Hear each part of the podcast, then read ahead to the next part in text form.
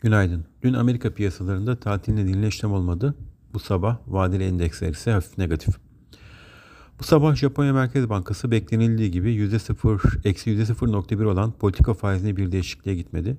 Merkez Bankası Japonya'nın finansal sisteminin bir bütün olarak istikrarlı olduğunu, tüketici enflasyonunun Bank of Japan'ın hedefine doğru büyük olasılıkla kademeli şekilde hızlanacağını belirtti. Japonya'da daha önce %7.2 olarak açıklanan Kasım ayı sanayi üretimi %7'ye revize edildi. Japonya'da endeksler gün içi kazanımlarını geriye vererek negatife geçerken Çin pozitif seyrini devam ettiriyor. E, yurt içi tarafta bugün Kasım ayına ilişkin konut fiyat endeksi açıklanacak. Borsa İstanbul tarafında dün %0.62 yükselişte 2085 puan seviyesine kapanış gösteren e, endeks için e, 2060 puan destek seviyesi üzerinde teknik olarak yükseliş eyleminin korunabileceğini düşünüyoruz. İyi günler, bereketli kazançlar.